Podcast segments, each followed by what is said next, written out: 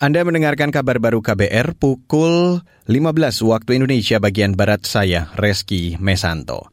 Saudara, Komisi Pemberantasan Korupsi atau KPK menjadwalkan pemeriksaan untuk anggota Komisi Pendidikan DPR Muhammad Gaddafi.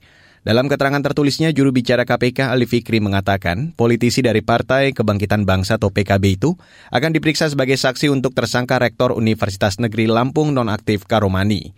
Ali Fikri menyebut Muhammad Gaddafi akan didalami keterangannya terkait dugaan suap penerimaan calon mahasiswa baru di Unila tahun ajaran 2022.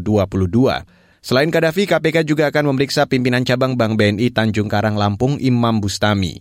Dalam kasus suap penerimaan mahasiswa baru Unila, KPK telah menetapkan empat tersangka yaitu Rektor Unila Nonaktif Karomani, Ketua Senat Unila Muhammad Basri, Wakil Rektor Bidang Akademik Heriandi, dan keluarga mahasiswa Andi Desviandi. Beralih ke berita selanjutnya, Saudara. Komisi Nasional Anti Kekerasan Terhadap Perempuan atau Komnas Perempuan mengkritik pemberlakuan living law atau hukum yang berlaku di masyarakat dalam KUHP. Menurut Ketua Komnas Perempuan Andi Yentriani, living law dapat mengancam munculnya diskriminasi terhadap perempuan.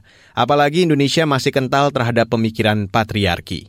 Belum lagi praktik-praktik kebiasaan yang berbahaya bagi kehidupan perempuan, termasuk kebiasaan untuk memojokkan korban, yang juga mengandalkan alasan tradisi untuk membenarkan situasi yang mengurangi penikmatan perempuan pada hak asasinya untuk bebas dari diskriminasi dan juga kekerasan. Ketua Komnas Perempuan Andi Yentriani menambahkan, living law juga berpotensi seseorang dipidana walaupun perbuatannya tidak diatur di KUHP.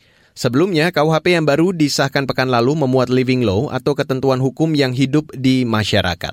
Saudara ribuan orang berdemonstrasi di jalan-jalan di kota Dhaka, Bangladesh hari ini. Pengunjuk rasa menyerukan pembubaran parlemen dan menuntut mundur Perdana Menteri Bangladesh Sheikh Hasina. Dikutip dari CNN, unjuk rasa digelar Partai Nasionalis Bangladesh atau BNP yang menuduh Perdana Menteri Hasina gagal mengatasi kenaikan harga bahan bakar dan biaya hidup. Partai Nasionalis Bangladesh juga menyerukan agar segera digelar pemilihan baru. Aksi ini merupakan lanjutan dari aksi-aksi sebelumnya. Pekan lalu, aksi bahkan diwarnai bentrok dengan aparat yang menyebabkan seorang demonstran tewas. Dan saudara, demikian kabar baru saya Reski Mesanto.